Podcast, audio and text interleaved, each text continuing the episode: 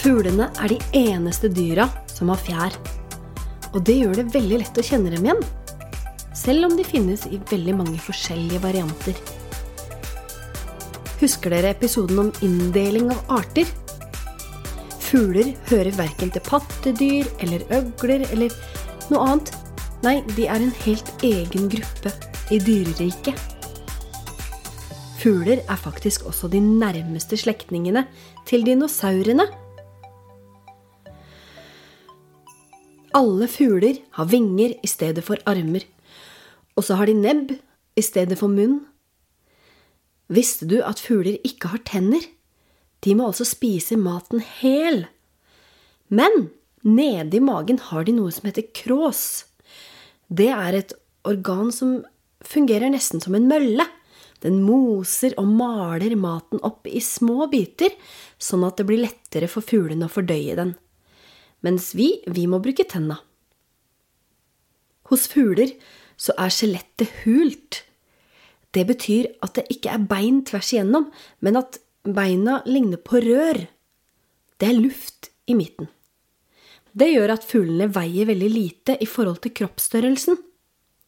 Og vekten er viktig hvis man vil fly, noe de fleste fugler kan. Noen fugler er faktisk så flinke til å fly at de kan holde seg i lufta i flere år uten å lande. De kalles ofte for seilere. De lever konstant i lufta, unntatt når de skal ruge på egg. Så må jeg fortelle om noen av fuglene våre. Og jeg tenkte at jeg skulle starte med ugla. Vi har flere uglearter i Norge, så den er jo spennende å vite litt om. Ugla kan vri hodet sitt nesten helt rundt. Men det er veldig kjekt, fordi de kan ikke bevege øynene sine til sidene, sånn som vi kan. Og ugla jakter ofte om natta. Den har et utrolig bra nattsyn. Når det er mørkt, så kan den se ti ganger så bra som oss. Og i tillegg kan den høre veldig, veldig godt. De kan f.eks. høre hvis en mus beveger seg under snøen på vinteren. Så vil jeg fortelle litt om en fugl som heter rødnebbterne. Det er en hvit sjøfugl med svart hode og sånn ordentlig knall oransje nebb. Det er en trekkfugl. Det betyr at den bor ett sted på sommeren og trekker til et annet sted på vinteren. Så den har liksom to hjem. Rødnebbterna flytter aller lengst av alle fugler. Den reiser helt fra Antarktis, som er nesten ved Sørpolen, og helt opp til Arktis ved Nordpolen. Det er en 35 000 km lang tur.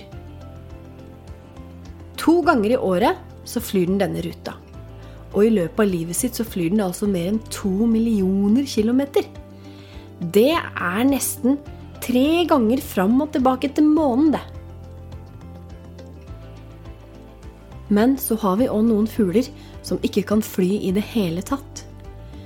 Noen få arter har tilpassa seg et liv på land. Et godt eksempel på det er strutsen, som også er verdens største fugl. Den lever på savannene i Afrika og har lange, kraftige bein som gjør at den kan løpe fort. Så selv om den veier 150 kg, så kan den løpe opptil 70 km i timen. Strutsen er rask nok til å løpe fra de fleste rovdyr. Den kan òg sparke til andre dyr for å forsvare seg. Og strutsen har også de største øynene av alle landlevende dyr.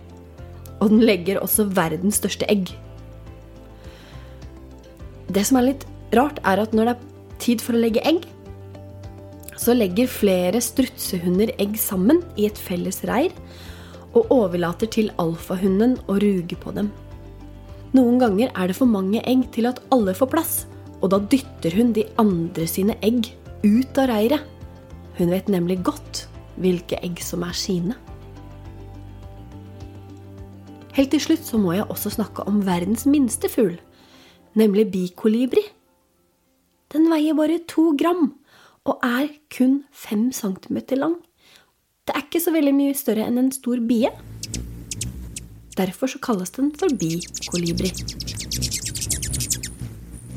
Fuglen spiser nektar fra blomster, og derfor så har den et langt, tynt nebb og en lang tunge formet som et rør, sånn at den kan slurpe i seg nektaren som et sugerør.